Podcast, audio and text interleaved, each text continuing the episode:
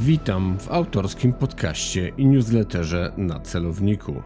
Co najmniej raz w tygodniu usłyszycie Państwo w podcaście, a dwa razy w tygodniu przeczytacie w newsletterze rozważania na temat bezpieczeństwa i jego zagrożeń, ze szczególnym uwzględnieniem terroryzmu oraz służb specjalnych. Bezpośrednio na Wasze skrzynki e-mail trafi przegląd mediów wraz z autorskim komentarzem. Zapraszam do stałego obserwowania podcastu oraz subskrybowania newslettera. Kieruj się w stronę podcastu na celowniku. Przy mikrofonie Artur Dubiel, Uniwersytet WSB Merito. Dzisiaj moim i Państwa gościem w podcaście na celowniku jest dr Witold Ostand. Cześć Witku. Dzień dobry Państwu, kłaniam się nisko. Witam serdecznie.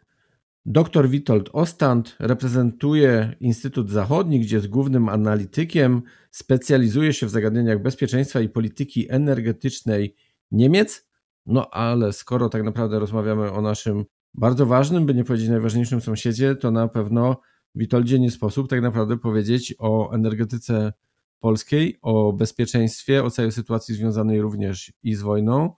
No i o tym, co teraz tak naprawdę w pewien sposób nie chcę powiedzieć, że jest na topie, bo może nie do końca to dobre słowo, ale jednak o atomie w Polsce. No wydaje się, że to są zagadnienia priorytetowe, tak? No nie ukrywajmy, szanowni państwo, wiele się dzieje i to, co się dzieje dzisiaj, niestety, niestety będzie miało wpływ na nasze kolejne wybory, kolejne lata, dekadę, dwie lub trzy, tak? To są najważniejsze problemy, a do tego Niemcy są naszym wielkim partnerem z Zachodu, bardzo dla nas ważnym, powiedział najważniejszym, przynajmniej w pewnych obszarach, albo równie ważnym jak Stany Zjednoczone, choć troszeczkę ostatnio jakby Stany Zjednoczone zyskują na polskiej narracji, polskiej władzy, polskiego społeczeństwa, aczkolwiek Niemcy powinny również mieć tą samą, poświęcone być tyle samo uwagi, tak, bo to jest poważny partner, solidny partner i przede wszystkim państwo demokratyczne, a z tą demokracją okół nas i trochę dalej na tym świecie jest coraz gorzej niestety. No właśnie, bo teoretycznie będziemy rozmawiać o bezpieczeństwie, tym bezpieczeństwie energetycznym, ale nie sposób uciec od zagadnień, nie chcę powiedzieć geopolitycznych, bo to może nie jest najlepsze sformułowanie, ale pewnie geostrategicznych. I teraz pytanie, bo ja mam pewnego rodzaju wątpliwości, jak patrzę na relacje właśnie amerykańsko-niemieckie.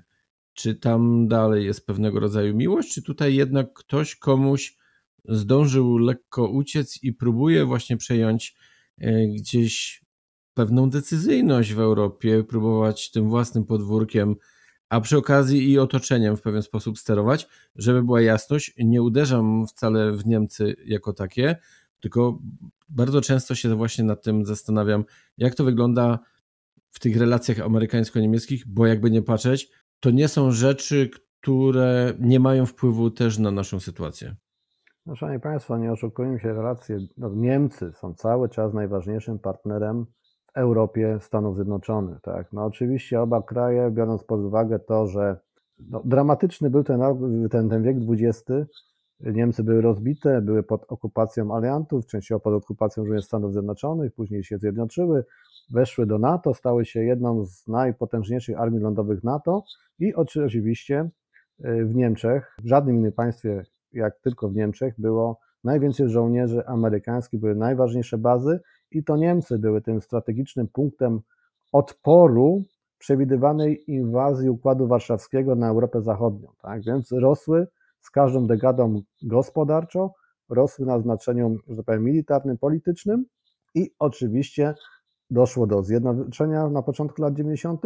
i jakby powiedzieć, nowa rola Niemiec w Europie, która dla Niemiec stała się coraz bardziej, byśmy powiedzieli, przyciasna, tak? bo co innego było potencjał tak zwanej Republiki Bońskiej, a co innego to jest potencjał obecnych Zjednoczonych Niemiec, najpotężniejszej gospodarki na naszym kontynencie, niezwykle innowacyjnej, niezwykle dokapitalizowanej i, że tak powiem, podchodzące dość pragmatycznie ze względu na dojrzałość elit niemieckich do różnego rodzaju wyznań rozwojowych. Tak? I Niemcy są tym, tym społeczeństwem, tym narodem, które, które jest w stanie zaplanować, zrealizować i ze względu na w tej chwili sprzyjające tak naprawdę warunki Niemcom w, w polityce światowej, tak, coraz większe znaczenie Niemiec w polityce międzynarodowej, są w stanie odnieść określone sukcesy i robią to niestety w bardzo tragicznym wieku XX w sposób pokojowy, wyważony, ale, że tak powiem, pełny determinacji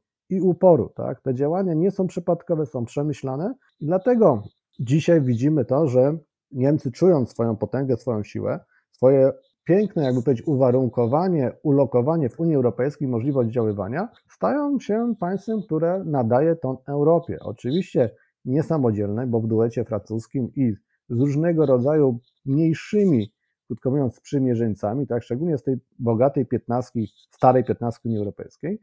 I widzimy, że dla Stanów Zjednoczonych to partnerstwo, ten junior partner, jakim zawsze była ta republika, że tak powiem, e, bońska, jest coraz większym również wyzwaniem, tak, bo Niemcy stawiają konkretne warunki, potrafią wyegzekwować swoje postulaty i oczywiście bardzo sobie cenią obecność Stanów Zjednoczonych jako gwaranta bezpieczeństwa w Europie, ale też postawią, po, po, potrafią, no czasami jest, czasami bardziej lub mniej udanie w tandemie z Francuzami, no, wyrazić różnego rodzaju opinie i powątpiewania i być może tym zmusić Stany Zjednoczone do określonych decyzji. Tak? No i ten potencjał Niemiec jest dostrzegany w Stanach Zjednoczonych. My byśmy bardzo chcieli zająć niemieckie, jakby powiedzieć, miejsce oglądzie Europy z perspektywy Stanów Zjednoczonych, no ale jednak różnią nas potencjały. Tak? Te potencjały są dość mocno różne. My gonimy te Niemcy, tak? gonimy inne państwa zachodniej Europy, no ale jeszcze nam troszeczkę zostało. Tak? I tutaj trzeba wziąć pod uwagę, że Niemcy silne, paradoksalnie w Europie,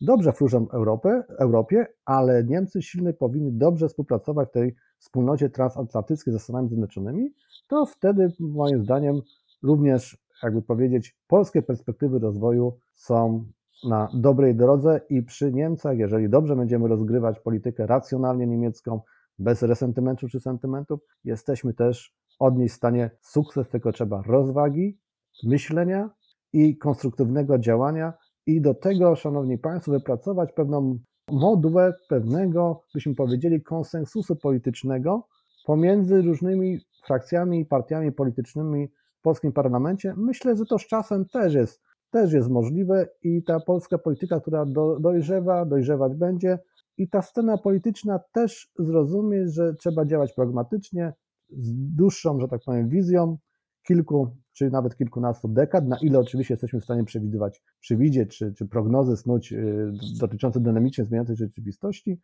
I to spowoduje, że w oczach Niemiec i innych równie pragmatycznych partnerów w Europie będziemy mieć dobrą pozycję do różnego rodzaju negocjacji i tworzenia różnego rodzaju partnerstw, nawet jeżeli pewne takie, powiedzmy sobie, pośrednie problemy będą występować, ale będziemy próbować się porozumieć mimo to i te porozumienia będą konstruktywne i budujące dla całej Europy, bo Polska powinna być w Unii Europejskiej, powinna być w Europie, tu są nasze szanse rozwojowe i pokazał to nawet paradoksalnie ten, ta trudna sytuacja, która miała, ma miejsce na Ukrainie, ta, ta, ta bezpardonowna wojna, że Europa, jeżeli chce, potrafić być razem i potrafi budować różnego rodzaju przewagi tak trudnym, byśmy powiedzieli, państwem, mocarstwem, jakim jest Federacja Rosyjska, tak? Oczywiście wspierana Europa przez Stany Zjednoczone, i tego mamy przykład, tak? biorąc pod uwagę różne uwarunkowania, zawirowania tak? i niespodzianki związane z wojną na, na Ukrainie.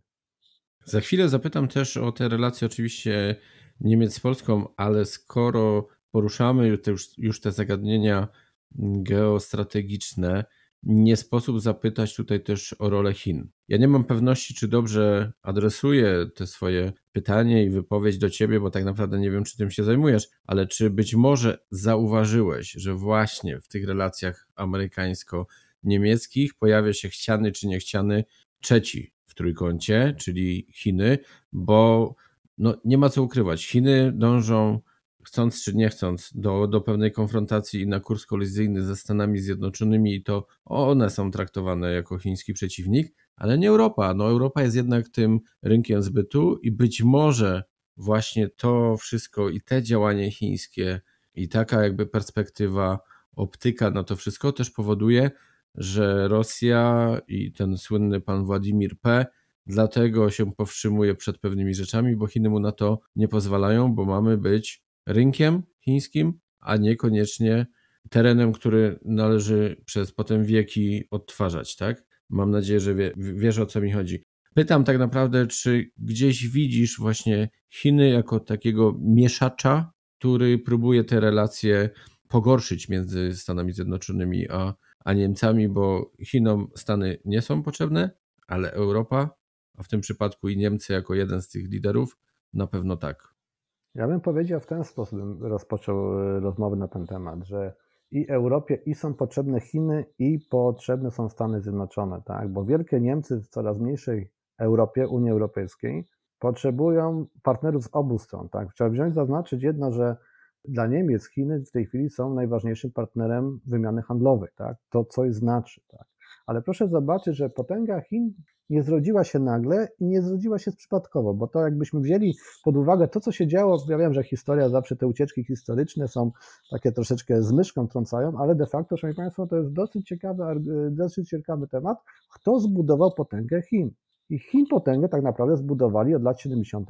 Amerykanie. Tak? Dlaczego budowali? Bo Chiny dla Stanów Zjednoczonych stały się potężną fabryką, umożliwiając konkurencję na rynku globalnym amerykańskim produktom, które już wytwarzane wówczas w Stanach Zjednoczonych były coraz mniej konkurencyjne wobec odradzającej się z popiołów II wojny światowej Europy. Tak? Więc to jakby powiedzieć, to, że wyhodowano Chiny, czy ułatwiono, e, biorąc pod uwagę nawet to, że były to antagonizowane systemy e, zarządzania państwem, tak ideologicznie, politycznie, społecznie, bo z jednej strony mieliśmy komunistyczne Chiny, cały czas są komunistyczne, z drugiej strony i totalitaryzujące, tak bym to powiedział, z drugiej strony mamy e, liberalne, konserwatywne, ale wolnorynkowe, przynajmniej tak powiedzmy o sobie Amerykanie myślą, Stany Zjednoczone. I Stany Zjednoczone stworzyły dzisiejszą potęgę Chin i umożliwiły Chinom pewnego rodzaju levelowanie się na poziom, no byśmy powiedzieli już pomału, można powiedzieć śmiało o Chinach,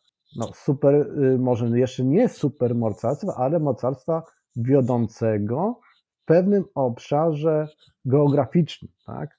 Może nie jeszcze supermocarstwo, ale y, mocarstwo na dobrej drodze do supermocarstwa, które było no oczywiście od wielu lat, y, bo to nie jest żadne, żadne tajemnice od co najmniej lat 90., podejrzewane o to, że prędzej czy później jakieś wyzwanie rzucą Stanom Zjednoczonym i generalnie temu układowi państw zachodniemu, które przez no, długi czas dominowało w stosunkach międzynarodowych i które tworzyło trendy, które kontrolowały przepływy procesy globalizacji i które w zasadzie bogaciły się dzięki globalizacji o wiele szybciej niż inne, że tak powiem, regiony świata, również Chiny. Tak? Chiny mądrze budując swoją politykę pod względem jakby strategicznym, długofalowym, potrafiły, krótko mówiąc, skorzystać z tej okazji, którą zbudował Chinom Zachód i zbudować również swoją potęgę. To trwało to lata, dekady, tak?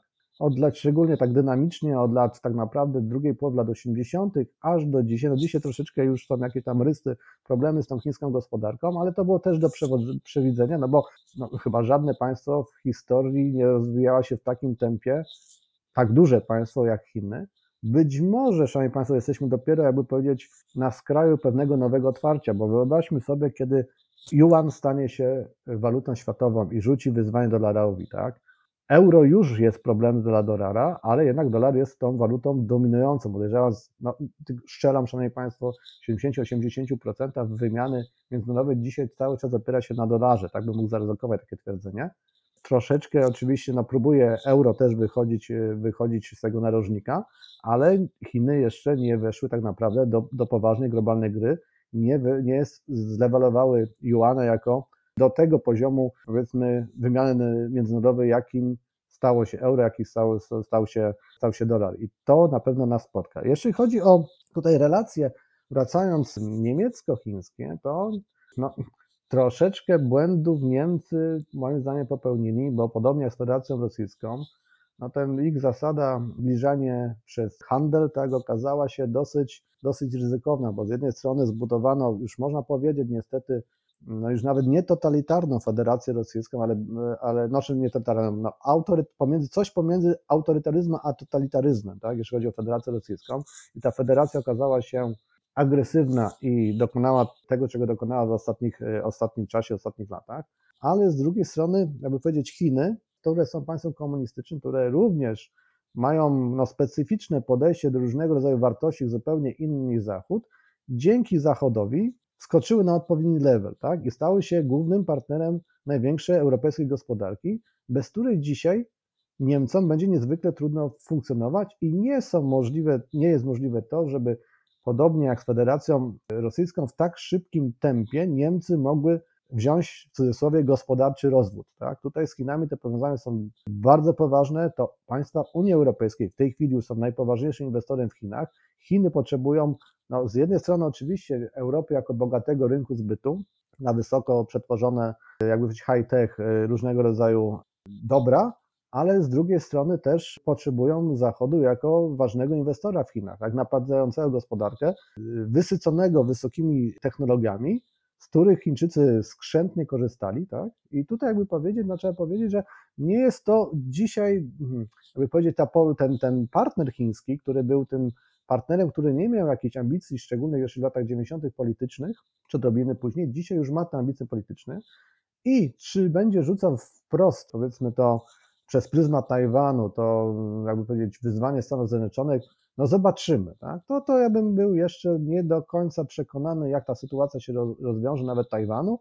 Powiedzmy, że no jest coś na rzeczy, ale tutaj Chiny, jakby powiedzieć, niekoniecznie muszą się konfrontować, bo oni mają dużo więcej do wygrania poprzez pragmatyczny rozwój swojej gospodarki i właśnie stworzenie z tej waluty międzynarodowej i z tym musi się zarówno liczyć Zachód, tudzież Unia Europejska i Zachód rozumiany jako Stany Zjednoczone. I pytanie, jak Stany Zjednoczone będą postrzegały w tym momencie wyzwanie ze strony Chin? Czy będą budować też narrację konfrontacji, którą dzisiaj, dzisiaj możemy sobie, że tak powiem, posłuchać w mediach, w różnego rodzaju przekazach, czy też jednak y, zmienią narrację wobec Chin i starczą się i jakby na nowo prób, będą próbowali szukać jakiegoś partnerstwa poniżej, po, po, po, pomiędzy tymi dwoma dwoma mocarstwami na zasadzie przede wszystkim gospodarki i być może jakichś tam operacji politycznych, a z drugiej strony są też Niemcy, tak, które mają swoje ambicje, które też próbują rozegrać tą swoją sytuację.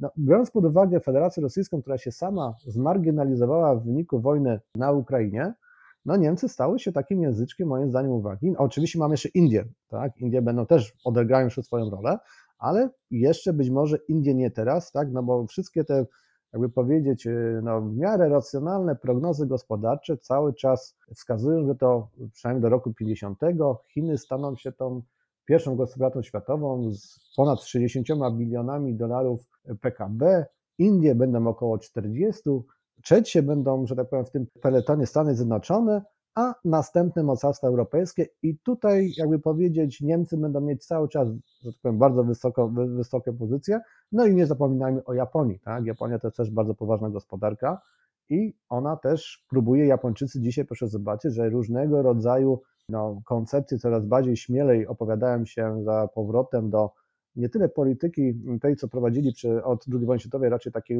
neutralizacji, byśmy powiedzieli, neutralności swoistej, no do, przechodzą do polityki bardziej ofensywnej, do sprzedaży uzbrojenia różnym partnerom w Azji i jakby powiedzieć, budują tą przeciwwagę wo, wobec Chin, tak? Czy Stanami Zjednoczonymi, czy bardziej samodzielnie? No zobaczymy, tu jest, tu się nam powiedzmy objawiło czterech dosyć, czterech, pięciu dosyć poważnych graczy, których każdy ma swoje globalne interesy, a Niemcy dla nas są szczególnie ważni, bo to Niemcy będą decydować, jak tak naprawdę Unia Europejska, zarządzana z, powiedzmy z tego drugiego fotela przez Niemcy, będzie się pozycjonowała do Chin. Na ile stanie się partnerem Chin, czy utrzyma to partnerstwo, na ile będzie tutaj szachowała w jakiś sposób również konkurencyjną gospodarkę Stanów Zjednoczonych, bo mamy wiele, wiele dziedzin, w których jesteśmy ze Stanami Zjednoczonymi z bliskimi partnerami, ale mamy też wiele dziedzin, w których jesteśmy oprócz że partnerami, to konkurentami. Tak? No, z Chinami jest tego partnerstwa mniej ze względu na różnego tradycje historyczne, uwarunkowania gospodarcze i tak dalej, całą historię, krótko mówiąc, nie tylko XX wieku. Jest to jednak państwo nam dalsze kulturowo, ale na razie mamy z nimi partnerstwo, czy, czy budujemy partnerstwa różnego rodzaju ekonomiczne w różnych formułach, tak? czy tego jedwabnego szlaku, czy 17 plus 1, jeśli chodzi o Europę Środkowo-Wschodnią, tak? czy partnerstwo y, generalnie w ramach Unii Europejskiej, czy pojedyncze, pojedyncze partnerstwa y, na przykład Niemiec tak, z Chinami, to wszystko, wszystko się dzieje. Zobaczymy, na ile starczy mądrości i rozsądku Europie, aby Chiny może nie zmienić tak, na modłę Zachodu, ale być cały czas, czy pozycjonować się w pozycji, e, byśmy powiedzieli, życzliwej konkurencji i asertywnego partnera, a nie wroga, tak?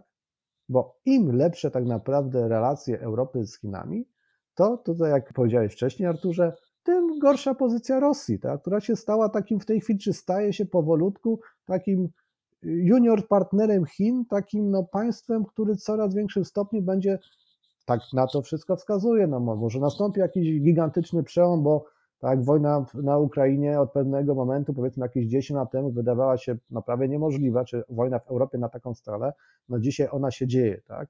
Jakieś pół roku temu, przepraszam, dwa lata temu już ona była bardziej możliwa, ale nikt nie chciał w to uwierzyć, że Rosjanie pójdą aż o jeden krok, o jeden most przy, przysłowiowy za daleko i stworzą taką sytuację, jaką stworzyli zagrożenia w Europie, tak?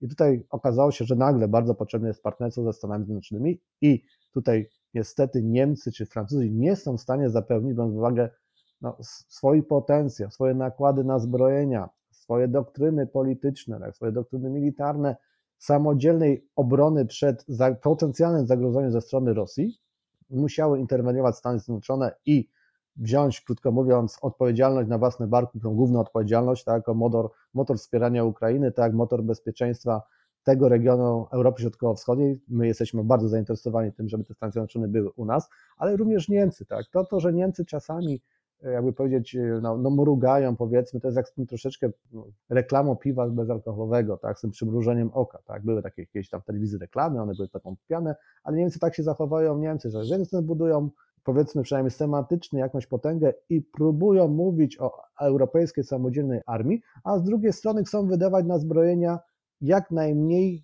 tylko to możliwe, bo to się nie opłaca w długiej, w długiej perspektywie, tak? No bo dzięki Amerykanom mają ten, tą ochronę, ten parasol i jądrowy, i tą siłę uderzeniową odstraszania, i dzięki temu mogli się Niemcy z premedytacją, zaniżając wydatki na zbrojenia, zaraz po zakończeniu, czy upadku Związku Radzieckiego, zakończeniu zimnej wojny, upadku Związku Radzieckiego, ze spokojem bogacić i wybierać nowe kierunki rozwoju, które teraz im już pomału zaczynają procentować, mimo tych wielkich strat gospodarczych, bo Niemcy będą jeszcze długo liczyć straty gospodarcze, te, które ponieśli powiedzmy podejmują decyzję o w cudzysłowie rozwodzie z Federacją Rosyjską, tak, o ziębieniu stosunków, tak, ograniczeniu importu, czy zerwaniu w ogóle importu z węglowodorów, e, wycofaniu szeregu firm, tak, ważnych firm dla gospodarki również niemieckiej, tak, i które miały te znaczenie dla gospodarki Federacji Rosyjskiej.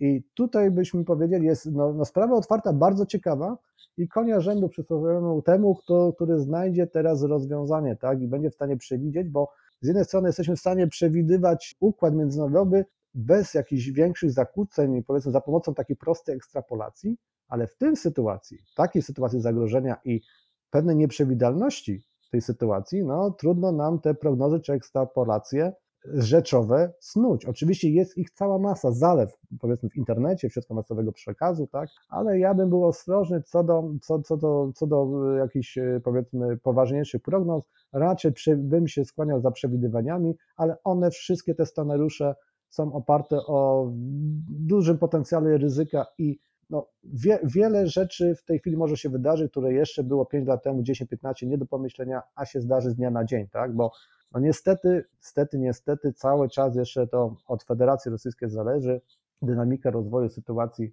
na Ukrainie i jak ta wojna tak naprawdę, na jakich zasadach się skończy i kiedy się skończy, tak? Jeszcze cały czas, tak? I czy powiedzmy tak mało przewidywalny reżim, jak dzisiaj jest y, reżim, który utożsamiany się z osobą y, Władimira P., co on dalej zrobi, jakie podejmie decyzje strategiczne, tego nie wiemy. My możemy się jedynie przygotować w partnerstwach i z naszymi tu europejskimi sojusznikami, i z tym najpoważniejszym ze Stanami Zjednoczonymi na różne ewentualności. I dobrze by było, gdyby nam udało się również w tą, że tak powiem, logikę działania wciągnąć Chiny, tak, które by mogły dzięki temu stać się jednym z pozytywnych mocarstw czy, czy pretendentów do supermocarstwa na arenie międzynarodowej, który by też w sposób, bym powiedział, niekoniecznie do końca korzystny dla Zachodu, ale był mocarstwem, który w sposób jakiś taki zdecydowany by wywarło presję na, na, na Federację Rosyjską, która by zmusiła do zakończenia to wojny przez Federację Rosyjską i zawieszenia jakiegoś broni, tak, jakiejś tam sytuacji rozstrzygnięcia, przynajmniej jakiegoś to pokojowego tego, tego niestety tej, tej, tej, tej tragicznej sytuacji. Tak. tak, tak, tak bym to na dzień, na dzień dzisiejszy widział. Tradycyjnie, jak to w podcaście na organizmie żywym, wyszło jak zwykle, czyli trochę nam się od tematu delikatnie odbiegło, ale taka jedna uwaga, bo to też ma tak naprawdę wszystko wpływ na, na ten nasz temat, od którego właściwie wyszliśmy i to takie balansowanie Europy, bo nie powiedzieć, że stawanie trochę okrakiem pomiędzy tymi Stanami Zjednoczonymi a Chinami, też może czkawką się nam odbić te uzależnianie się znowu od Chin, bo wchodzimy przecież we wszystkie te technologie, które no umówmy się, to będą nam dostarczać Chińczycy, ale skupmy się na Niemczech, bo jednak bym tutaj chciał pewne kwestie wyjaśnić i ja tu mam taką małą prośbę, może apel. Nie chodzi może o pewien manifest, ale jednak, abyś mógł też naszym słuchaczom w pewien sposób może wyjaśnić, niektórym może pomóc zrozumieć pewne niuanse we wzajemnych relacjach właśnie Polski i Niemiec. Bo mamy przecież kwestie i atomu, i tego węgla, tak? I tak naprawdę odnawialnych w ogóle źródeł wiatraków i tak dalej. Wspomnianych przez ciebie też węglowodorów i połowców bursztynów i Nord Streamu i parę innych rzeczy, które i my i Niemcy widzimy trochę inaczej, ale jakbyś mógł wytłumaczyć, bo tak, Niemcy z jednej strony to chcieliby być zieleni, zieloni, z drugiej strony jednak atom już finalizują tak naprawdę zamknięcie po raz właściwie chyba nie pierwszy, tak? E, my teraz mamy iść w atom, Niemcom się to może nie podobać. Węglowe kopalnie, które u nas miały być zamykane, no okazuje się, że gdzieś tam w Niemczech też takie znowu funkcjonują. Jak to tak naprawdę wygląda po stronie niemieckiej i jak się to ma właśnie w stosunku do, do tych wzajemnych relacji? Jakbyś mógł w pewien sposób uporządkować, bo wiadomo, że niektóre media po wszelkich stronach, bo wcale nie ma ich dwóch, zawsze będą trochę ten obraz delikatnie mówiąc nie kształcać. Chciałbym, żebyś jednak fachowo chciałbym, proszę, abyś, abyś jednak fachowo to tak skomentował, żebyś mógł wytłumaczyć tak naprawdę wszystkim, o co w tym wszystkim chodzi, jak to się dzieje po wschodniej stronie granicy, a jak po zachodniej. To nas dużo łączy, ale też niestety, jeśli chodzi o energetykę, dość dużo dzieli. Tak? I teraz poszukać wspólnej formuły będzie nam dość trudno, bo tu, jak przysłowie mówi, czy tekst piosenki, do, dwo, do tanga trzeba dwojga. Niemcy, widząc, jakby powiedzieć, szansę rozwojową, bardzo mocno inwestowały w taką koncepcję. Ja to nazywałem swego czasu, bym powiedział, quasi algorytmem politycznym. Nazwali to zwrot energetyczny, czyli energiewende. I ta energiewende miała kilka postulatów zasadniczych. Z jednej strony chciano, chciano odejść od węglowodorów jako takich, bo niestety Niemcy, tak jak większość państw europejskich, musi je z różnych regionów świata importować i z tymi państwami, od których się importuje te węglowodory jest przeważnie różnie. Tak? Te, państwa no, nie zawsze są demokratyczne, nie zawsze stabilne, tak? różnego rodzaju konflikty wybuchają, więc to jest pewne ryzyko. Druga sprawa, no, chodziło też o ekologię. Chciano żyć zdrowiej i dłużej. Tak? I ten mit taki romantyczny też tam, że tak powiem, jest zawarty. Do tego oczywiście podczepiły się różnego rodzaju fronty, ugrupowania, organizacje proekologiczne i nagłaśniały ten temat. Do tego doszły niestety takie awarie, blamarze globalne energii jądrowej, jak osławiona awaria w Czarnobylu w 1986 roku. Następna bardzo też przykra awaria w Fukushimie. Oczywiście w większości to nie kwestia technologii, tylko błędów, czasem, e, krótko mówiąc, błędów ludzkich błędów technologicznych, tak, przeoszczędzenia na, na pewnych zabezpieczeniach i to niestety się ustało i te argumenty zapadły bardzo mocną świadomość niemieckiego i nie tylko niemieckiego, generalnie społeczeństw zachodnich przeciwko energii jądrowej.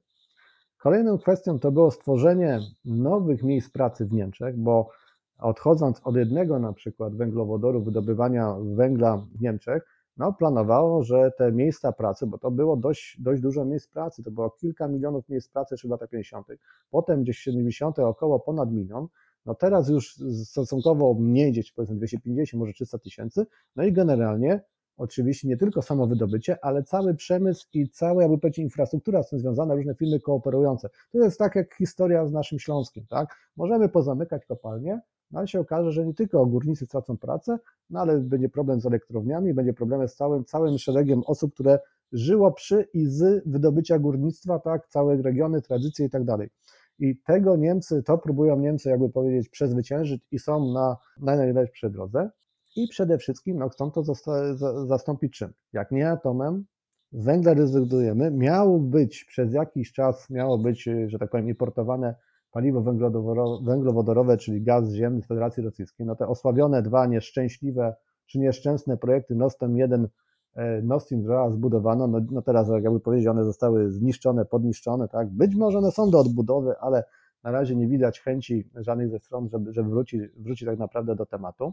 I Niemcy miały stać się w Europie, tak, dzięki tym właśnie e, dwom potężnym gazociągom, takim hubem nie tyle energetycznym, co hubem gazowym, na którym, w którym by następowała redystrybucja gazu, gazu rosyjskiego i Niemcy na tym chciały zarabiać i tymi środkami również wspomagać tą transformację energetyczną, tą energię węgiel i budować na swoim, na swoim terytorium odnawialne źródła energii, szczególnie na szelfie kontynentalnym, tak, na wybrzeżu niemieckim, bo mają dużo lepsze y, nawietrzność, jakby powiedzieć, tego wybrzeża w porównaniu do Polski, no a z drugiej strony Niemiec na południu, na Bawarii, przede wszystkim y, fotowoltaiczne farmy, tak, dużo formatowe, oprócz tego to prosumenckie i tak dalej. I no taki był pomysł Niemiec i dzięki temu, ja to nazywałem, że był taki wewnętrzny w latach 90. plan Marszala, tak, no bo wielka inwestycje, wielkie projekty federalne, jakby powiedzieć, w porozumieniu z biznesem, a niestety, niestety Niemcy mają potężne korporacje, potężne firmy, świetny lobbying, tak? Dzięki temu ten koło zamachowe gospodarki miało pobudzić inwestycje, dać impuls rozwojowy ca całym Niemczech w zasadzie no, i firmom kooperujących wokół Niemczech, tak, ko kooperującym też, te, też państwom z Niemcami i być takim nowym stymulatorem rozwoju w Europie. I co najważniejsze, Szanowni Państwo, ten program Energii Węgla to była taka luźna, luźne koncepcje kierunków rozwoju energetyki i określone na końcu tych koncepcji cele, takie jakby powiedzieć, cała, cała ta Energii Węgla to takich modułów się składa, tak? Który można jeden przyspieszyć, drugi trochę zwolnić, ale generalnie postęp idzie w określonym kierunku.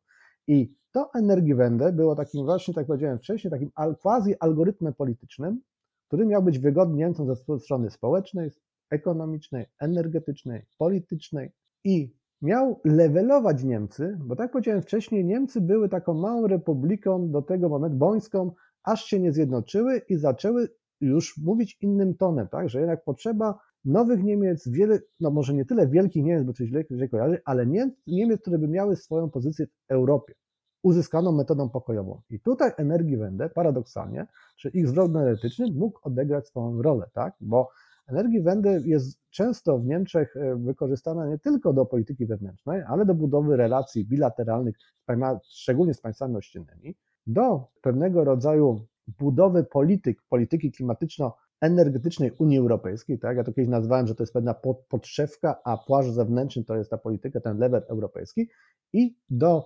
levelowania Niemiec coraz silniejszych Niemiec pod względem gospodarczym na arenie międzynarodowej. Tak? No bo, Szanowni Państwo, od kilkunastu lat te kwestie klimatyczne stały się przedmiotem polityk, polityki międzynarodowej, biorąc pod uwagę system Narodów Zjednoczonych, te różnego rodzaju konferencje klimatyczne, które są coraz bardziej dyskutowane, coraz więcej się się na nich dzieje, coraz więcej, jakby powiedzieć, idei przesiąka też do innych organizacji, tak na przykład do, do G7, tak, czy do ASN-u, do organizacji, powiedzmy sobie, gdzieś tam lokalnych, czy, czy, czy po, nawet afrykańskich, bliskowschodnich, południowoamerykańskich, więc te wszystkie nurty przesiąkają tę całą ideę proekologizmu, tak, budowy odnawialnych źródeł energii. I tutaj Niemcy, jakby powiedzieć, zobaczyły, czy stworzyły sobie takiego swoje, swoistego rodzaju samograja politycznego, który na różnych przestrzeniach, dzięki zmianie energii z tej energii brudnej, niechcianej, trującej na energię zieloną, ekologiczną, pozytywną, są w stanie wnieść nową jakość w przestrzeń międzynarodową i zbudować swoją nową pozycję, uciekając niestety od tych przykrych wydarzeń XX wieku, które na długi czas rzutowały na politykę niemiecką wewnętrzną i zewnętrzną. Tak? Ten rozrachunek niestety z II wojny światową do dzisiaj, no, czasami bardziej, czasami mniej, no jest zauważany w polityce nie, niemieckiej, jest jakimś tam argumentem, tak? ale dzięki powiedzmy tej nowej jakości w polityce, tej nowej energii wędę, Niemcy są w stanie odegrać odpowiednią rolę na levelu międzynarodowym, na tym europejskim, tak, czy paneuropejskim i bilateralnych relacjach. I teraz, Szanowni Państwo, z tej punktu widzenia, no, Polska startowała w roku 1989 z zupełnie innego poziomu niż zjednoczone się, się Niemcy. Niemcy się jednoczyły, ale to wyglądało na tym, że no, można, zjednoczenie to będzie trochę zło słowo, bym powiedział, że Niemcy zachodnie w całości wchłonęły tą Republikę Demokratyczną Niemiec, te Niemcy wschodnie i narzuciły absolutnie wszystko, wręcz od układów militarnych, od politycznych, od społecznych reguł gry, tak, i przede wszystkim przejęły, zagarnęły całkowicie sposoby gospodarowania i przemysł niemiecki powiedzmy dostał pewną rezerwuar wewnętrzny wzrostu tak, wschodnich Niemiec i na nowo jakby miał szansę zbudować tą, tą drugą połowę Niemiec, tą, tą mniejszą połowę Niemiec. No, Polska wystartowała z innego poziomu, tak, tam, nikt nas nie sponsorował, my byśmy, że tak powiem, mieli wielki problem zadłużenia jeszcze postgierkowskiego, postkomunistycznego, z którym się częściowo uporaliśmy dzięki no, dość dobrej polityce zagranicznej, tak, budowie przez dojrzałych ludzi pewnego rodzaju umów, pewnego rodzaju standardów, tak, y, restrukturyzacji tego zadłużenia, otwarcia się na Zachód, wejścia w struktury gospodarcze Zachodu, pretendowania do rodzącej się wtedy Unii Europejskiej i tą drogę żeśmy wybrali do NATO, drogę do, do, do tworzącej się wówczas Unii Europejskiej, ale niestety nasz start był z innego poziomu. I Niemcy, budując czy, czy mówiąc o energii Wendy, już nawet w latach 80., tak, pewne artykuły, książki się ukazywały, już w latach 90. XX wieku a już całkowicie, że tak powiem, wdrożyły te, te zmiany w roku 2000, po roku 2010, były o niestety kilka dekad do przodu, technologicznie bardziej zaawansowane, kapitałowo bardziej dokapitalizowane i przede wszystkim przekonane było społeczeństwo niemieckie, że odejście od atomu jest słuszne, rezygnacja z węgla jest słuszna, pytanie oczywiście o koszty, ale były one akceptowalne i dawały Niemcom szansę poczucia kolejny raz takiej powiedzmy dumy narodowej, czy pewnego spełnienia, że Niemcy mają misję tym razem pozytywną, którą mogą realizować w Europie i, i na świecie, tak? być przykładem dla innych. No, Polska wychodząc z tego, z tej sytuacji katastrofy ekonomicznej PRL-u, tak, no bo szanowni Państwo, ponad 90% PKB był dług, e, jakby powiedzieć, w stosunku, znaczy dług, e, dług zewnętrzny w stosunku do, do, do, do PKB wielkowartości, tak, więc byliśmy w, na, na, na skraju katastrofy gospodarczej, do tego, czy byliśmy w katastrofie gospodarczej, trzeba to powiedzieć, do tego pourywały nam się różnego rynki zbytu wschodnie, na zachód nasze artykuły nie były konkurencyjne, nie były sprzedawane, więc mieliśmy olbrzymi problem, ten straszliwe lata 90., ten proces pauperyzacji społecznej, tak, dopiero żeśmy zaczęli potem po roku 2000 wychodzić na ten poziom końcówki lat 80. i coraz już było lepiej, chociaż uważam i tak Polskę, biorąc pod uwagę wzrost PKB, chociaż ten nominalny, tak, pomiędzy rokiem 90 a rokiem 2022 jako jedno państwo, jako państwo jesteśmy naprawdę państwem może cudu gospodarczego, to zabrzmi troszeczkę trywialnie, ale na, na pewno sukcesu gospodarczego, bo nasze PKB przez te 30 lat, nikt sobie, znaczy nie, nie zdajemy sobie na dzisiaj, na, na co dzień tego sprawy, ale wzrosło ponad dziesięciokrotnie, tak? To jest olbrzymi skok, tak? Jak na standardy przynajmniej europejskie, bo oczywiście te azjatyckie tygrysy, Chiny troszeczkę w innej dynamice i w innym uwarunkowaniu się rozwijały, tak? Ale my żeśmy zrobili naprawdę niezły skok, ale się okazało, że no, polska energetyka oparta na węglu, jesteśmy tak zwaną kulturą węglową, no miała inny poziom startu, mieliśmy mniej nakładów, mniej byliśmy zainteresowani inwestycjami czy zmianą, a do tego, Szanowni Państwo, też warto podkreślić, że polski sektor energetyczny, no stety, niestety jest mocno, należy do państwa, tak bym powiedział, tak? I jest bardzo zobligowany, jakby powiedzieć, decyzjami polityków, bieżącymi, tak, różnymi tam frakcjami, które rządzą naszym parlamentem, które później, jakby powiedzieć, też zarządzają naszą energetyką. I to też utrudniało pewną szybki, szybką drogę reform, tak? E, jeśli chodzi o energetykę. Niemcy, jakby powiedzieć, mają trochę inną strukturę zarządzania, bo to Niemcy, oczywiście to, to federalne władze koordynują tą politykę, ale generalnie własność w energetyce niemiecka jest prywatna i to musi się zawsze dogadać partner prywatny, korpo, tak, różnego rodzaju korporacje, z rządzącymi, ze społeczeństwem i ten dialog jakiś jest wypracowany na zasadzie konsensusu, wspólnie jest zaakceptowany i później rozwijany. Czasami oczywiście też są różnego rodzaju wyboje, ale one nie są aż tak gwałtowne. No w Polsce ze względu na tą, może nie tyle e, kulturę polityczną inną, bo my jesteśmy już też coraz bardziej dojrzałą demokracją, tylko jest sposób, sposób własności, e, koordynowania działania e, sektora, sektora energetycznego, mieliśmy duże opóźnienia, tak? No i byliśmy państwem biednym, które musiało konkurować z innymi państwami za pomocą tańszej siły roboczej, tańszej energii, a tę, tą relatywną tanią dawało nam energia z węgla brunatnego czy kamiennego i ta struktura wytwórcza, która była konserwowana i która, która dzisiaj dopiero, jakby powiedzieć, tak naprawdę jest gwałtownie zmieniana pod presją tego, co się dzieje w Europie. Tak? I tutaj, Szanowni Państwo, widzimy, że zwiększony potężny program e, polityczny, społeczno-ekonomiczny Niemiec, jakim to była Energiewende, z drugiej strony te nasze, jakby powiedzieć, e, pewnego rodzaju opory w zmianie myślenia o energetyce, e, niedokapitalizowanie, nieposiadanie pewnych technologii, inne problemy, również ważne społeczne, które były priorytetami, tak, no bo szanowni Państwo, to nasz rozwój też przez różne wydmy, różne kryzysy się, się, że tak powiem, toczył, więc to też nie była tak i wyłącznie różowa, że tak powiem, opowieść o szczęśliwości budowaniu ra, raju w Polsce, więc te dwa jakby podejścia do, do energetyki stworzyły tą sytuację, że dzisiaj Niemcy są bardzo zaawansowane na drodze do odnawialnych źródeł energii, stawiają na źródła energii i mają ambicje nie tylko stać się jakby promotorem tych źródeł, tak jak na przykład wodoru, tak jak tym paliwem zastępczym dla ropy ma być docelowo wodór, ale jakby powiedzieć, mają ambicje stać się główną, byśmy powiedzieli, fabryką energii dla tej części Europy. I teraz, Szanowni Państwo, wchodząc, jakby powiedzieć, już y, przechodząc do, y, do, do kwestii atomu, tak? Niemcy zrezygnowali z atomu pod presją społeczną, racjonalnej lub irracjonalnej. Ja bym, ja bym na miejscu Niemiec, znaczy ja bym jednak ten atom zostawił na wszelki wypadek jako podstawę systemową. Tak? Szybciej bym zrezygnował z węgla brunatnego niż z energii jądrowej, bo jeszcze, Szanowni Państwo, 15 lat temu energia jądrowa w Niemczech sięgała ponad 30% ich miksu energetycznego, czyli bardzo dużo. Tak? Miejmy nadzieję, że Polska będzie w stanie zrealizować swoje plany i kiedyś w jakimś tam odległej przeszłości też tej energii będziemy mieć no 20-25%. To było takie moje ciche marzenie, bo generalnie nie jestem wrogiem energii jądrowej, ale wiem, że są ku temu też różne rodzaje przeszkody i będą problemy, szczególnie finansowe, technologiczne. No różne rzeczy po drodze mogą się zdarzać, ale trzymam kciuki za, za polskie władze, te następne, że które będą budowały właśnie tam energetykę jądrową. I tutaj, Szanowni Państwo, widzimy, że Niemcy jednak postawiły na OZE, likwidują, bo ostateczną decyzję o likwidacji, wygaszaniu energetyki jądrowej podjęto właśnie 15 kwietnia.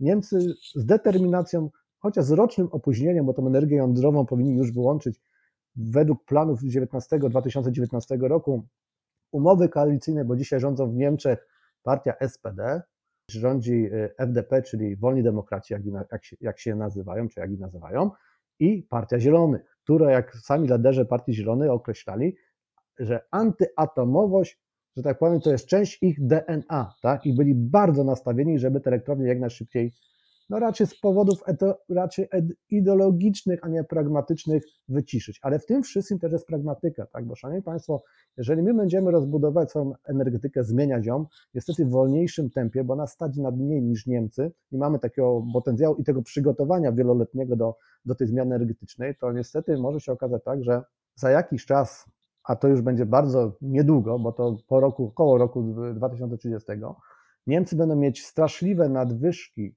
zielonej energii, bo robią wszystko, żeby w miksie energetycznym co najmniej 85% energii było z energii odnawialnej, tak? I Olaf Scholz, kanclerz Niemiec, jakiś rok temu bodajże zapowiadał, że zrobi też wszystko, żeby tą, jakby powiedzieć, możliwość nadformatowania mocy wytwórczych w Niemczech uzyskać co na poziomie około 2-2,5 razy. Tak?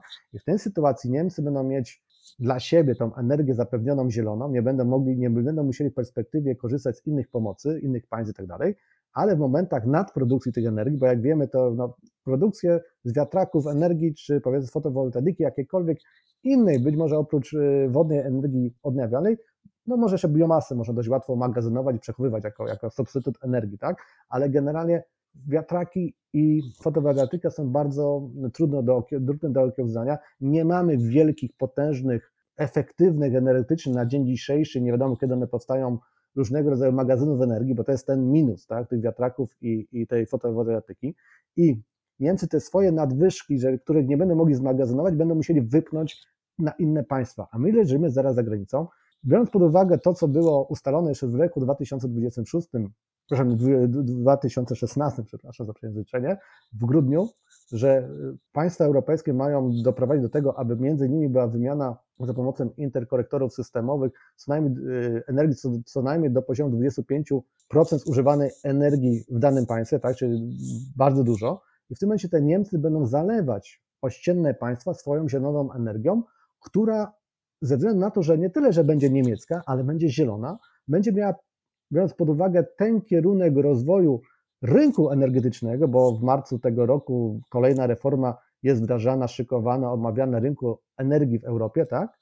która ma pewnego rodzaju braki przed kryzysami, jakby powiedzieć, nas uchronić i różnego rodzaju niespodziankami, które jeszcze mogą wystąpić do najbliższych dekadach, tak? ale mają jakby uchronić te zmiany konsumentów, mają dalej levelować tą energię zieloną jako tą najważniejszą, różnego no ciekawe, bardzo ciekawe, duże, duże tam zmiany. W każdym razie te zmiany idą w tą stronę, żeby ta jednak zielona energia w Europie była tą energią, którą wszyscy będą pożądać. Tak? I teraz będzie taka sytuacja, że ta, ta Polska może stać się w najbliższej przyszłości obiektem zalewania przez Niemcy zieloną swoją dużo tańszą energią i w tym momencie nasze elektrownie jądrowe wybudowane po roku 2030, nie prędzej, no będą dość drogie, trudnej sytuacji, aby utrzymać się rynkowo. I to jest też pewnego rodzaju dla nas zagrożenie. No oczywiście już nie mówiąc o naszej energetyce opartej na, nadal na, na węglu brunatnym i, i kamiennym, która niestety pod presją polityki europejskiej, która też jest zbudowana przez Niemcy, nie oszukujmy się, tak, tu Niemcy też mają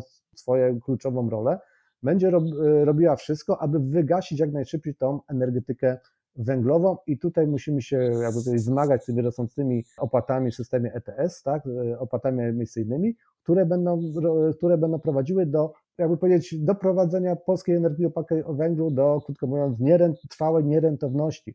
I prędzej czy później my z tej energii będziemy musieli zrezygnować. W jakim tempie? No lepiej jak to robiliśmy, byśmy robili wcześniej na swoich zasadach, a dzisiaj już tego czasu nam brakuje. To są wielkie zagrożenie jest, powstaje w tej chwili, że polski system energetyczny stanie się w wyniku nieustannych zalewów, tak, kontrolowanych przez prąd z, z Niemiec, e, czy nadwyżkę tego prądu z Niemiec zielonego, będzie nasz system destabilizowany, ta nasza produkcja i te przewidywania naszego systemu, a my siłą rzeczy, pewną inercją położenia staniemy się też pewnym takim buforem, pewnego rodzaju podstawą systemową dla Niemiec, tak?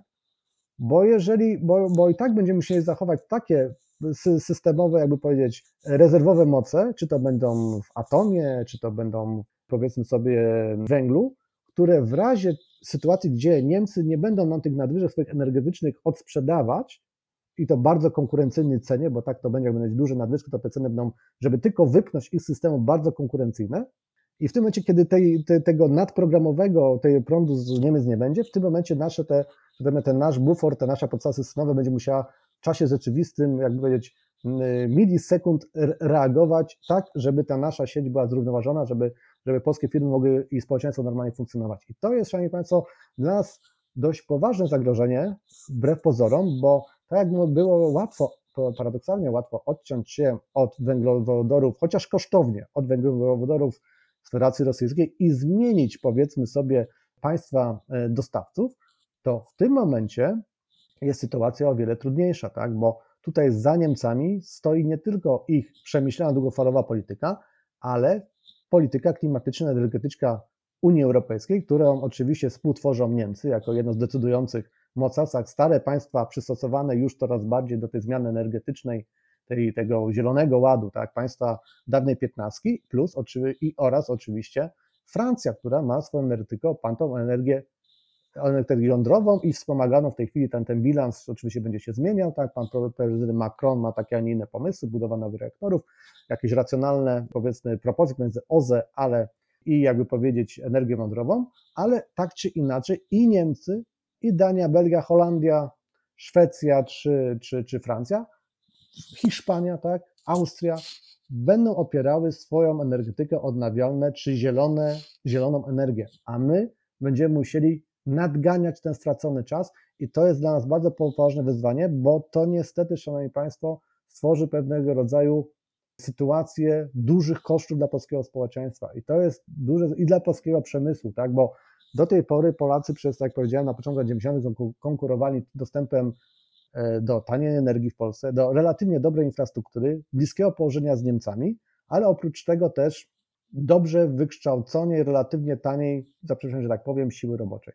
I tu nam, jakby powiedzieć, te dwa argumenty świadczące o atrakcyjności polskiej gospodarki troszeczkę nam uciekają, bo z jednej strony Polacy chcą zarabiać coraz więcej, coraz bardziej levelować się na poziomie zarobków zachodnich i do tego dążymy, bo wszyscy chcemy żyć lepiej, ale z drugiej strony, Szanowni Państwo, mamy ten problem energetyczny, także nasza energia no, sprowadzona z Niemiec nie będzie, nie będzie aż tak tania, jak ta energia produkowana w Niemczech czy we Francji i w tym momencie możemy być, jakby powiedzieć, no, ten status super atrakcyjnego państwa w Europie, Środkowo, w Europie Środkowej możemy stracić. I dlatego, dlatego tam te plany energetyczne Niemiec, one oczywiście wiążą się z pewnymi szansami również do Polski, no bo będziemy szukać na pewno jakichś pól kompromisu, będziemy szukać jakichś pól współpracy. Ale, Szanowni Państwo, biorąc pod uwagę to, co się dzieje pomiędzy Francją a Niemcami, czyli te instytuty zielone różnego rodzaju zbliżenia rządowe, e, traktaty elizejskie i tak dalej, to wszystko, no niestety poziom współpracy francusko-niemiecki jest dużo bliższy, a i tak dzieją się różnego rodzaju zawirowania w tej polityce, a my byśmy musieli stworzyć również taką alternatywę z Niemcami na moduł tego, co wcześniej budowała Zjednoczona Europa od lat 50., tylko w wersji turbo. Tak? I tutaj mamy no niestety, niestety no różne ugrupowania w Polsce przychodzą do władzy. Jedne widzą bardziej partnera, czy, czy jako w Niemczech, jako szansę naszą rozwojową, drugie widzą bardziej jako rywala, czy powiedzmy no, jakieś mniej przyjazne państwo ale leżymy tam, gdzie leżymy i w naszym interesie również energetyki jest to, żebyśmy szukali tych wspólnych porozumień, żeby się stali częścią energetyczną Unii Europejskiej, czy częścią tutaj naszego basenu, to byśmy powiedzieli, energetycznego, tego rynku środkowo, środkowej Europy i budowali te kompromisy, tak, i budowali wspólnego rodzaju projekty i no, to będzie nam dużo lepiej y, dla nas się tym skończy niż ciągłe, że tak powiem, oporowanie, bo no, nie mamy takich zasobów, żeby budować poważne alternatywne wobec roli Niemiec w Europie, w Europie i szczególnie w Europie, Europie Środkowej. Tak? My musimy z nimi, musimy, czy nam się podobać, czy nie, szukać, szukać jakiegoś y, porozumienia w różnych płaszczyznach, a mamy do tego naprawdę dość dobre, dość dobre możliwości, bo nasze, jakby powiedzieć, zagęszczenie współpracy instytucjonalizacyjnej na, na różnych szczeblach jest dość duże, od tych szczebli rządowych, samorządowych, międzyludzkich, biznesowych.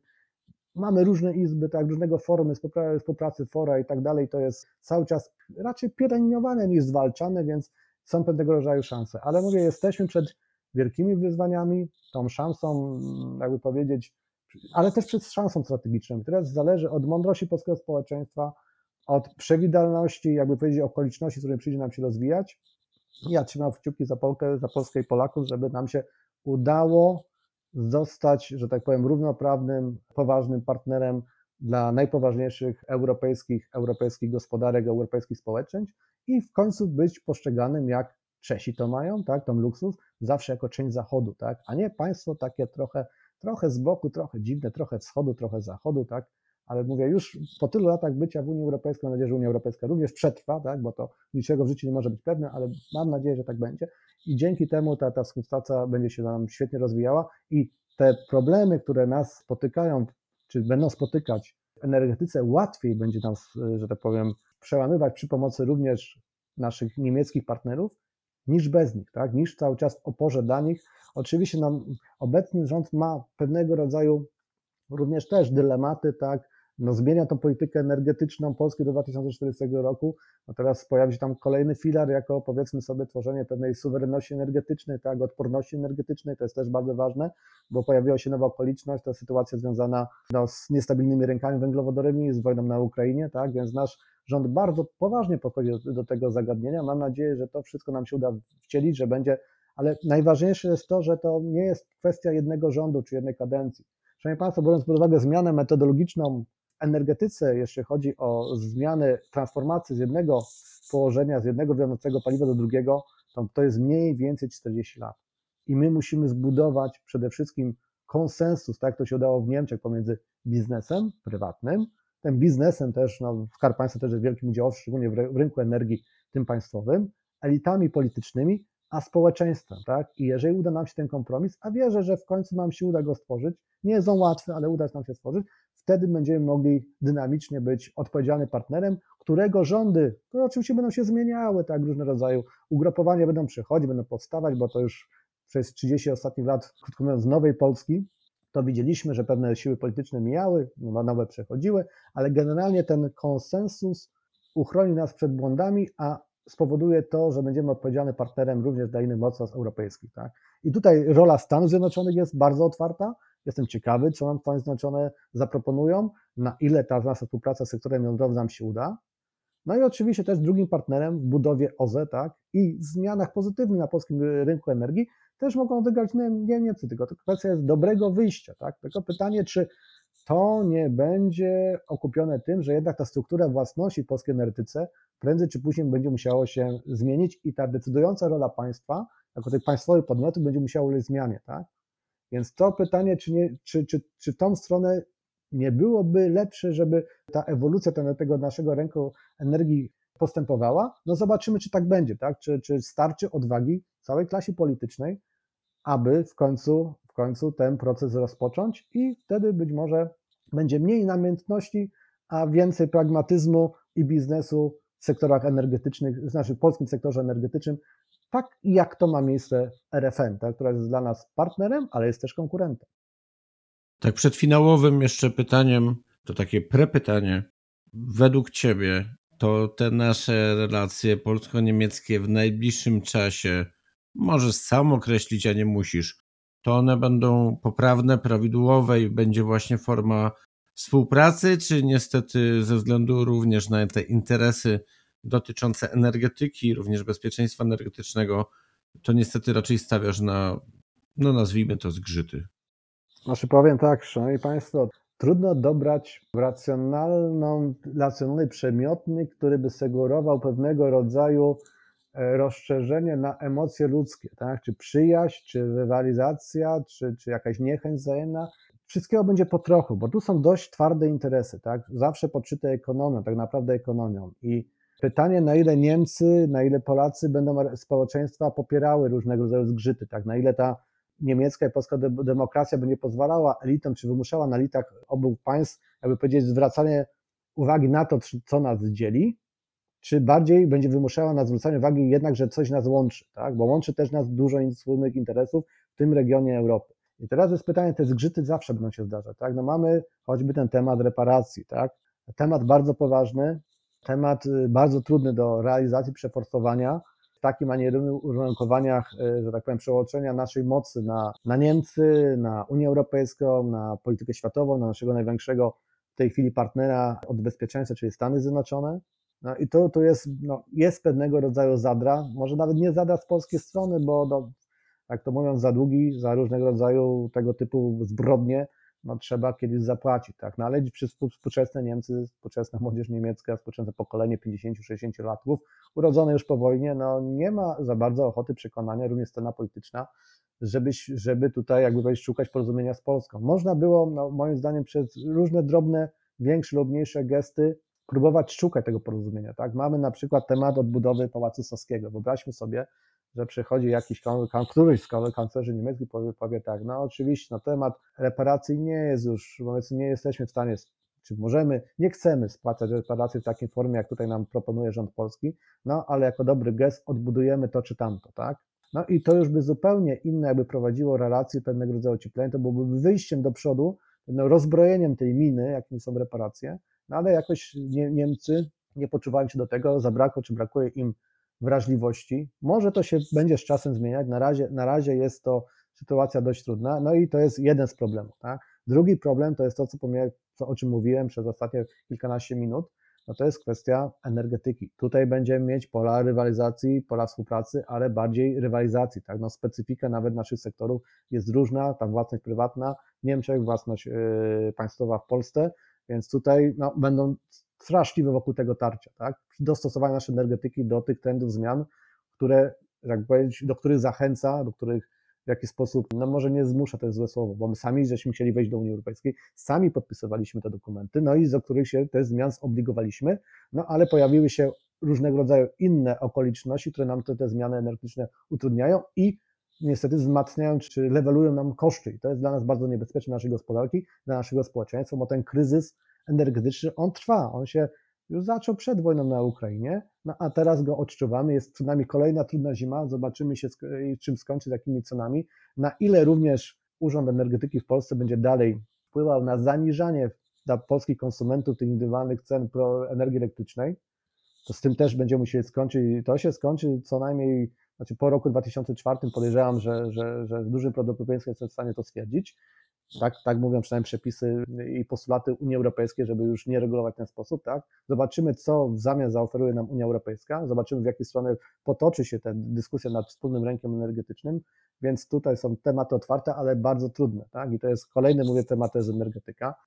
No, paradoksalnie, jeśli chodzi o współpracę gospodarczą, na różnych szczeblach pomiędzy różnymi podmiotami, to akurat nam wychodzi świetnie, bo szanowni Państwo, tak czy inaczej, no Niemcy są naszym największym partnerem handlowym, ponad 30% wymiany. My dla Niemiec jesteśmy coraz bardziej znaczącym partnerem, bo w tym roku żeśmy skaczyli na czwarte miejsce, wyprzedziliśmy Francję. To jest szok chyba największy dla Francji, tak?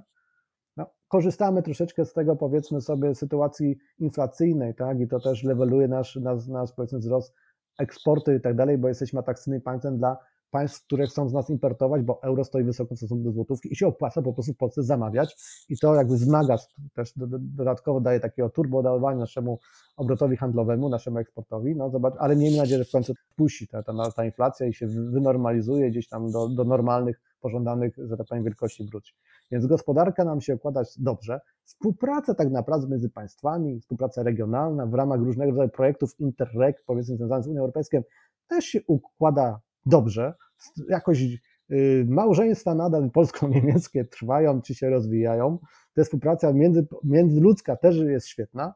Więc, szanowni Państwo, no, no są, są wydmy, są różnego rodzaju mielizmy, ale z drugiej strony te są pozytywne. W tych trudnych czasach, globalnie trudnych czasach, którymi się zmagamy, globalnych wyzwaniach czy zagrożeniach, no więcej mamy, ja bym uważał, ja jestem być może z urodzenia takim optymistą, więc powiedział, że ta jedna szklanka jest do połowy jednak pełna, tak? I może nie mieszajmy w niej bez, bez potrzeby tą łyżeczką, a bo to i tak nie będzie słodsza ta herbata w tej szklance, ale jestem raczej, mm, widzę tutaj pewne szanse rozwojowe, tylko musimy mieć odpowiedzialnych polityków, ale po jednej i drugiej stronie Odry, tak? Bo ta Odra na razie niestety przez ostatnie lata dość mocno dzieli. Tutaj Państwu sprzedam taką ciekawostkę, że biorąc pod uwagę stopień, jakby powiedzieć, ilość mostów na Odrze jeszcze przed y, rozpoczęciem II wojny światowej, ona była znacznie większa niż teraz, tak? Więc jakbyśmy dogonili ten, ten, ten ilość budow, budujmy mosty, o tak bym powiedział, górnolotnie budujmy mosty na tej Odrze, a przy okazji ta współpraca pójdzie za tą budową. Pokazujmy, że, że jednak jesteśmy Europejczykami, mamy dość podobne wartości, chociaż trochę nas dzieli, tak? W, róż, różnych niuansach, ale jestem, jestem, mówię tutaj, mamy dużą szansę właśnie z Niemcami się dobrze rozwijać, szybko rozwijać gospodarczo, wpuszczać też kapitał amerykański, to też będzie nam grało powiedzmy tutaj na nasze bezpieczeństwo, na naszą odpowiedzialność, pe, pe, pewną tutaj tą wschodnią, budowało wschodnią flankę, więc generalnie są zagrożenia, ale są też e, dość realne szanse, no i więcej nas łączy niż dzieli. Budujmy mosty, jak tak najbardziej. I pytanie finałowe. Atom w Polsce to pomysł dobry, to pomysł do zrealizowania, pomysł, który, a właściwie w cudzysłowie, surowiec, który będzie miał mieć jak najwyższy dla nas e, procent w całym systemie energetycznym, czy właśnie w stronę gdzieś takiego niemieckiego modelu może powinniśmy pójść, no bo nie możemy zapominać o całym przemyśle górniczym, tak, no bo on jednak u nas ma nie tylko gospodarcze, ale i też pewnego rodzaju kulturowe znaczenie. Tak właśnie podsumowując, żeby twardo pewien sposób powiedzieć. Nie twierdzę, że stanowczo, ale jednak jakbyś wyraził tą opinię, bo no jakby nie patrzeć, atom wzbudza te, te kontrowersje, ludzie się obawiają, chociaż wiemy, że coraz częściej tak naprawdę nie do końca jest czego, ale jednak jakbyś właśnie w pewnego rodzaju podsumowaniu całej tej naszej rozmowy mógł się do tego wszystkiego odnieść, przedstawić też być może własną wizję czy model, jak to powinno wyglądać, żebyśmy my właśnie też byli zabezpieczeni, przed pewnymi niebezpieczeństwami, o których wcześniej tak naprawdę już wspominałeś. Atom jest dla nas szansą, tak? Tylko trzeba do każdej szansy podjąć sposób racjonalny i mądry, roztropny, tak? Żeby przy okazji jednego nie zniszczyć drugiego. I polskie społeczeństwo słusznie popiera atom. Ja nie jestem żadnym lobbystą, szanowni państwo, bo to, to powiem otwarcie, nigdy nie miałem nic wspólnego z żadną firmą lobbystyczną, tak, szczególnie atomową czy energetyczną. Jestem skromnym jakimś tam pracownikiem naukowym, czy tam ekspertem, ale generalnie analizując rozwój energii atomowej na świecie, ta energia atomowa jest przyszłością i my tej przyszłości musimy się uczyć, bo nie jest ważne, ile my zbudujemy tych reaktorów, tak? Tylko pytanie, ważne jest pytanie, jakie, na ile my się nauczymy tej technologii, jakie wyciągniemy wnioski, czy będziemy w stanie później własną technologię jądrową rozwijać i czy te elektrownie będą wieloskalowe, takie duże, w cudzysłowie wielkie fabryki prądu, czy też małe reaktory, jednych i drugich potrzebujemy, bo jedne i drugie mają inne zastosowanie, inaczej odnajdują się z sieci, inaczej będą tą sieć stymulować, inaczej będą tą sieć, że tak powiem, przekazywać energię, energię elektryczną do tej sieci, tak? Więc i taki atom, i duży, i mały, tak? Ale tak naprawdę, Szanowni Państwo, przyszłością w energii atomowej jest to, o czym mówią no, naukowcy już od wielu, wielu dekad, tak? bo już to można obserwować od kilku lat, od kilku dekad y, rozmowę, to jest fuzja jądrowa. I dzisiaj najbardziej zaawansowane fuzje jądrowe są dwa państwa. I to nie jest przypadek, że to są Stany Zjednoczone i Chiny. I które z tych państw szybciej skomercjalizują tą fuzję jądrową, te wygrają wyścig o energię. Bo, Szanowni Państwo, aby mocarstwo stało się mocarstwem, przede wszystkim musi mieć dostęp do niewyczerpanej, taniej, czy prawie niewyczerpanej, taniej energii konkurencyjnej w stosunku do innych państw. Bo energii dzisiaj bez energii, bez racjonalnie budowanej energetyki, na miarę szytej, tak, całego systemu, bo każde państwo jest inne, każde ma inne uwarunkowania, nie ma dynamicznego wzrostu, nie ma konkurencyjności i nie ma przyszłości. I Polska stoi przed tym właśnie wyzwaniem. Na razie trzymam kciuki, rząd idzie w dobrą stronę, budujemy partnerstwo ze Stanami Zjednoczonymi, Francją trochę mniej, chociaż to też ten gracz może wejść do puli, tak, zobaczymy w jakich uwarunkowaniach. Budujemy partnerstwa e, z Koreańczykami, czyli państwami wysoko zaawansowanymi technologicznie, znającymi atom od wielu, wielu lat, mającymi różne doświadczenia. Te nasze energetyka będzie bardzo bezpieczna i tu nie ma się czego obawiać. Dzisiaj te, te powiedzmy 3,5 generacji, jak to mówią energetycy, technologie jądrowe są naprawdę na wysokim poziomie. Nie powtórzy się drugi raz Czarnobyl, bo nie ma takiego fizycznie prawa i możliwości, chociaż na przykład Partia Zielona, idąc do wyborów, to też jest paradoksalnie, bo, bo to było dosyć dziwne, tak? W roku 2020, mm, to był 2021 rok, z tego co pamiętam, tak, rozpoczęli swoją kampanię wyborczą na bazie pokazywania tego, że jak Polsce Polacy otworzą swoje energie jądrowe, czy będą budować, to na pewno postawią dokładnie takie same reaktory jak w Czarnobylu i jeżeli taki reaktor nie stał w okolicach Gdańska, to jak dojdzie do wielkiej awarii, a na pewno dojdzie w Polsce, no to ten opad radioaktywny pójdzie w stronę Niemiec, tak, zatruje Berlin i tak dalej, zrobiono wokół tego, jak powiedziałem, taki start-up, czy wejście y, w kampanię, w kampanię w ogóle parlamentarną do Bundestagu, tak. Co okazało się jednym wielkim, nie wiem jak to nazwać, nieprawdziwą, podaną historią, zupełnie zmyśloną, tak, opartą o, o, o pseudo badania, pseudoraporty. I szanowni Państwo, no, tu jakby powiedzieć, bardzo nieodpowiedzialnie się zachowała Partia Zielonych, ale dzięki temu no, zrobiła całkiem nie, niezły wynik do Bundestagu, jest teraz partią współrządzącą, tak? No i tutaj, no, no, jakby powiedzieć, uszczypliwość moja wobec Niemiec, tak? Bo to, to im będę pamiętał przez długie lata. Z drugiej strony, mówię, mamy bardzo bezpieczne technologie, mamy coraz lepszych specjalistów, szkolimy ich już któryś raz, Będziemy się uczyć też na tych reaktorach, tak? Te wszystkie szkolenia, kursy, granty, wymiany, to wszystko będzie trwało. Same firmy są zainteresowane tym, u nas inwestujące, mające budować te elektrownie, żeby ten personel był jak najlepszy. Polacy są zdolnym narodem, ja wierzę w Polaków. Może za jakiś czas będziemy w stanie też budować jakąś własną alternatywną elektrownię jądrową, czy będzie mały, mały reaktor, czy jakiś większy w kooperacji większej, tak, lub mniejszej, ale mówię docelowo Moim zdaniem energetyka jądrowa jest pożądanym rozwiązaniem, jest tak naprawdę, może być tym pomostem, który w ogóle ludzkość zleweluje do wyższego poziomu rozwoju. Jeżeli okiełznamy fuzję jądrową, jeżeli będziemy w stanie z niej mieć uzysk energetyczny, wtedy w zasadzie przez długie tysiące lat nie wyczerpiemy naszych zasobów uranu, a oczywiście też pozyskiwanie, bo nie tylko, Szanowni Państwo, my mamy, powiedzieć, taką kalkę w głowie, że uran się tylko i wyłącznie metodą, że tak powiem, kopal, kopalnianą y, wydobywa z rudy, ale też są technologie, które coraz bardziej są wdrażane, coraz bardziej rozwijane, pozyskiwania z wody morskiej, a to jest niewyczerpane ze względu na różnego warunkowania ziemi, tak, naturalną radiację płaszcza ziemi, roztwór czy, czy zasób wodny, z którego będzie można wyzyskiwać czy pozyskiwać uran, później go wzbogacać i tak dalej jako paliwo, więc tu są przed nami olbrzymie szanse i jesteśmy na dobrej drodze, Byle starczyło nam determinacji i oczywiście pieniędzy na ten cały plan, bo to jednak jest kosztowa energia na razie, chociaż samo wytworzenie później energii jest konkurencyjne tak, wobec innych źródeł energii, ale budowa tych, tych elektrowni jest dość no, znacznie kosztowna, z wielkimi kosztami. Wszystko zależy też, jakie podpiszemy e, specjalne umowy ze Stanami Zjednoczonymi i innymi partnerami, na ile one będą dla nas lukratywne, jak to się wszystko odniesie do naszych możliwości gospodarczych, do możliwości spo, społeczeństwa, tak? Na, bo to, że prąd będzie droższy, tak czy inaczej.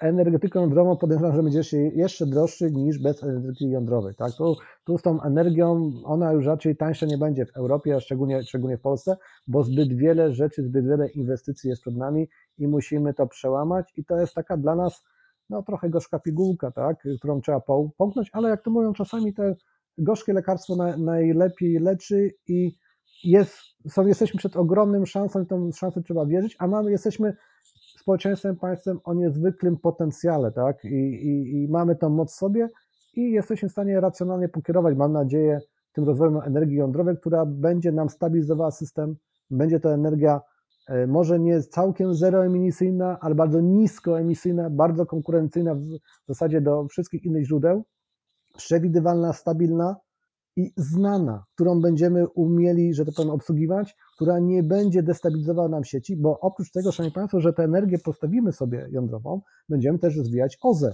w różnych miejscach, w różnych punktach, z różnym natężeniem i czeka nas gruntowo, podobnie jak w Niemczech, czeka nas gruntowna przebudowa sieci energetycznej, która niestety będzie dość mocno kosztowna, która będzie musiała się dostosować do standardów europejskich, przepływów tych różnych prądowych w ramach, w ramach takich regionalnych, tych powiedzmy sobie rynków energii, tak, europejskich, a z drugiej strony uwzględnić prosumentów nam rosnących w sile i ten prąd falujący, przebiegający, tak w cudzysłowie oczywiście kolokwialnie mówię, ale tak, żeby była równowaga zachowana w sieci, żeby tego energii nie było ani za mało, ani, ani za dużo, trochę jak, jak z krwiobiegiem ludzkim, tak, ciśnieniem we krwi, że niedobre za wysokie ciśnienie, za małe ciśnienie też niedobre, więc musi być to tam sparametryzowane.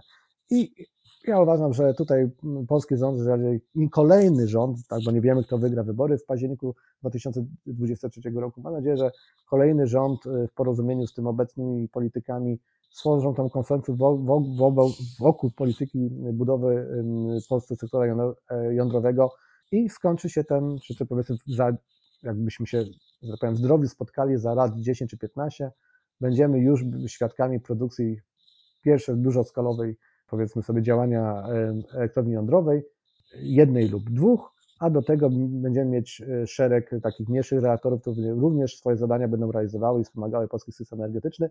I stopniowo będziemy odchodzić od kopalnych, kopalnych paliw, które niestety są ze względów powiedzmy ekologicznych coraz mniej akceptowalne przez społeczeństwo, ze względów politycznych, no i coraz droższe, jakby powiedzieć, o wsłudze i jakby powiedzieć, coraz mniej efektywne, ale też pamiętajmy, że na to wpływa szereg decyzji politycznych, która, które Europa podjęła w pewnym punkcie, Polska się na nie zgodziła, przystąpiła do Unii Europejskiej, wchodziła w te różne porozumienia, no a teraz przychodzi czas, krótko mówiąc, żeby zrealizować nasze zobowiązania, obietnice, więc no, no jak to mówią, pacta se servanta, mam nadzieję, że damy radę, tak, jako społeczeństwo, jako gospodarka, utrzymać swoje konkurencyjności dzięki temu.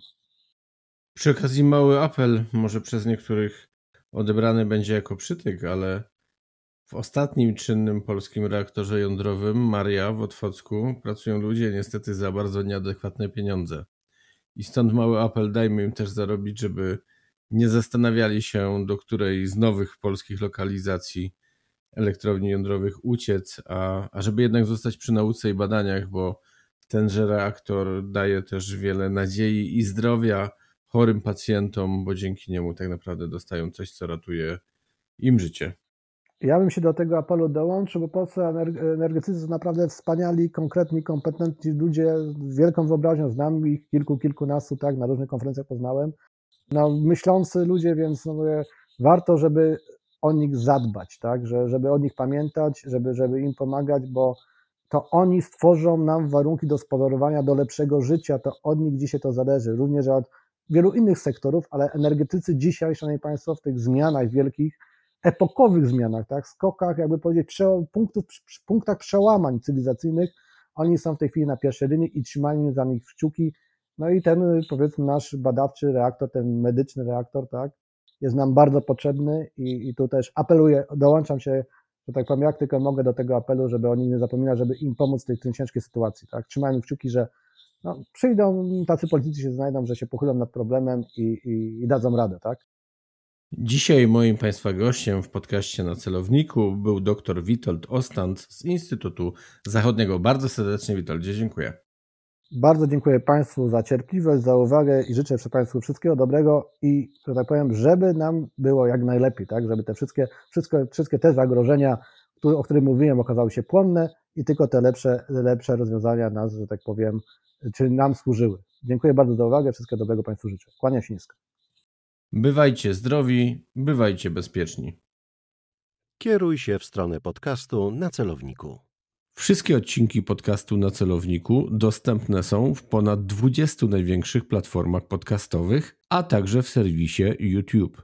Zapraszam także do subskrybowania newslettera na celowniku pod adresem nacelowniku.artur.tel Jeśli doceniasz podcast i newsletter na celowniku, zapraszam do wspierania w serwisie Patronite pod adresem patronite.pl ukośnik na celowniku.